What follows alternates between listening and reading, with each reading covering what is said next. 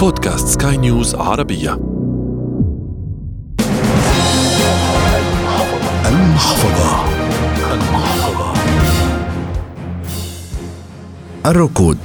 مصطلح سنسمع به كثيرا في الأيام القادمة. المملكة المتحدة أعلنت فعليا دخولها في حالة الركود. بدأت بزيادة الضرائب وخفض الإنفاق. بريطانيا أعلنت أيضا عن دخول العديد من الدول في العالم حالة الركود. لكن دون تسميتها. ربما الوضع السياسي والحرب الدائرة في روسيا له التأثير الأكبر على الاقتصاد العالمي. بالمناسبة هناك حلقة من بودكاست بداية الحكاية بعنوان روسيا وبريطانيا صراع الجغرافيا والنفوذ يسرد فيها عمرو جميل علاقة البلدين منذ قديم الزمان وما مرت به. حلقة جديدة من بودكاست المحفظة في إعدادها وتقديمها أحمد الآغا. قد بدأت. ما كان متخوفا من حصوله وقع فعليا. الركود بدأ يحط رحاله على اقتصادات الدول. الموضوع لن يكون سهلا خاصة على الأفراد فكثيرون معرضون لترك وظائفهم حول العالم. الركود هو مفهوم أو مصطلح بيعبر عن هبوط بالنمو الاقتصادي وعن انكماش بالوقت نفسه. عادة هذا الهبوط أو التراجع بالنمو بيكون سبب إنه الإنتاج أكبر من الاستهلاك، هون بصير عنا عرض بالسوق أكثر من الطلب لأي سلعة متوافرة بهيدا السوق، بصير في كساد لهيدي السلعة المنتجين غير قادرين على تصريفها أو بيعها، ساعتها بيضطروا لخفض أسعارها وبالرغم من هيدا الشيء بضل في مخزون يضاهي طلب عليها. بهيدي الحالة بينخفض معدل الإنتاج.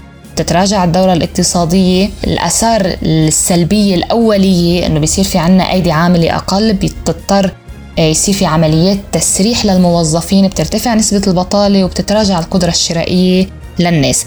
مشكلة الركود الأساسية إنه إذا بيصيب أي قطاع اقتصادي آه، تلقائيا أي القطاعات التانية بدها تتأثر. يعني إذا القطاع المصرفي على سبيل المثال فات بحالة ركود القطاع الخدماتي حيفوت بحالة ركود القطاع السياحي وبالتالي هون بيدخل البلد كله سوا بحالة ركود اقتصادي مستمر.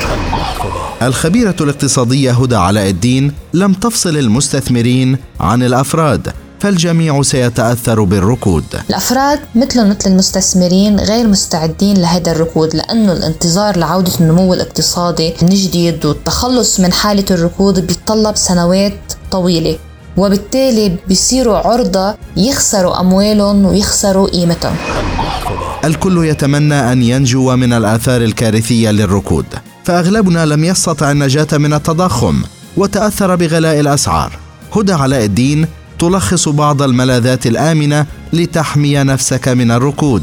أول شيء الاستثمار بالسندات الحكومية وبالسندات الشركات يلي عندها سيولة عالية. هون بركز على هيدي النقطة ما حدا يستثمر بالشركة ما عندها سيولة نقدية لأنه توافر السيولة المالية بشكل نوع من أنواع الأمان المالي للمستثمر إنه هن بس بدهم مصرياتهم أو يسترجعوا قيمة الاستثمار يلي هن حاطينهم الشركة أو الجهة يلي أخذوا منها السند قادرة تدفع لهم المصاري. الملاذ الثاني هو الذهب.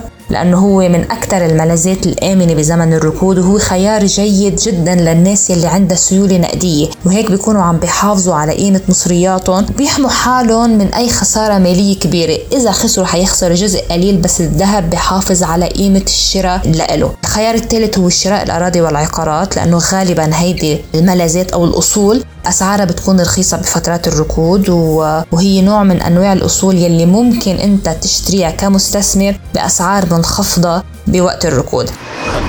لا تجرب حظك خلال فترة الركود وتغامر بمالك بل أنفق كل قرش في مكانه. واسمع لمن كان به خبيرا. أول شيء لازم يخففوا مصروفهم يعني النفقات بدها تكون على قد احتياجاتهم الأساسية فقط. بدهم يبعدوا حالهم عن أي مصروفات آه، كمالية وغير كمالية بتخسرهم مصرياتهم. انت بمرحلة أزمة بمرحلة ركود حاول تنفق مصرياتك على قد ما انت بدك. اثنين آه، بدك كل شيء دين انت عندك إياه سواء دين بالبطاقة الائتمانية أو سندات أو كمبيالات إنك تسد هيدا الدين لأنه الدين بالركود بعرضك لخسارة أموالك وحتى إدارة هيدي الديون بتكون كتير صعبة. ثلاثة بده يكون عندك الاستعداد آه، ليكون عندك plan B دايما لأنه إلا بالركود بيصير في تسريح للموظفين فالفرد بيكون عرضة بأي وقت إنه ممكن يخسر وظيفته أو يتم الاستغناء عنه. في حال خسرت أنت وظيفتك الاساسيه يكون عندك مدخول تاني من المال. دايما أنا بقول إنه بوقت الأزمة آه، حاول قد ما فيك كفرد ما تفوت باستثمارات high risk يعني ما تقول إنه أنا بالأزمة خليني أجرب حظي بركي بعمل مصاري. لأنه إذا ما قدرت تعمل مصاري مثل ما أنت بدك خسارتك حتكون double و triple فحافظ على قيمة مصرياتك يلي انت بتمتلكهم. أحسن بكتير من إنك تعرض حالك لخسارة هيدي الأموال ومش بس الأموال يمكن تضطر تبيع بعض من الممتلكات يلي عندك إياها لتعوض أو لتسد هيدي الخسارة يلي انت تعرضت لها. ليس من باب السلبية ولا التشاؤم لكن يبدو أن العالم يسير نحو منعطف اقتصادي صعب. وربما من لم يستمع لنصائح هدى علاء الدين ربما ستضطره الأيام لا اراديا بتطبيقها دون وعي. الخوف إنه انعكاسات هذا الركود تكون الأكبر والأسوأ حتى آه، أكثر من انعكاسات الركود اللي صار بالعام 1929 لأمتين حيستمر هذا الوضع بظل هالتراجع الهائل بالقدرة الشرائية لمعظم سكان دول العالم. هذا سؤال صعب نجاوب عليه هلأ لأنه الأسباب الجوهرية يلي أوجدت هيدا الركود بعد ما نلاقى لها حلول جذرية. وبالتالي بعض النظام الاقتصادي والمالي العالمي بحالة من التذبذب وبعد ما لقى الطريق الصحيح ليطلع من حالة الركود يلي حيدخل عليها العالم. آه، المرحلة اللي جاية حتكون آه، نوعا ما مرحلة تقشفية للعديد من الأفراد في عادات كتير حيتم التخلي عنها. آه، الرفاهية وأسلوب العيش العالي المستوى كمان حيبطل متوفر لكثير من الناس وكثير من السلع حيتم الاستغناء عنها. إلى هنا وصلنا إلى ختام هذه الحلقة من المحفظة والتي أتتكم عبر منصة بودكاست سكاي نيوز عربية على أبل جوجل سبوتيفاي أنغامي والعديد من المنصات الأخرى. في إعدادها وتقديمها أحمد الآغا. ومن الإخراج الإذاعي غسان أبو مريم.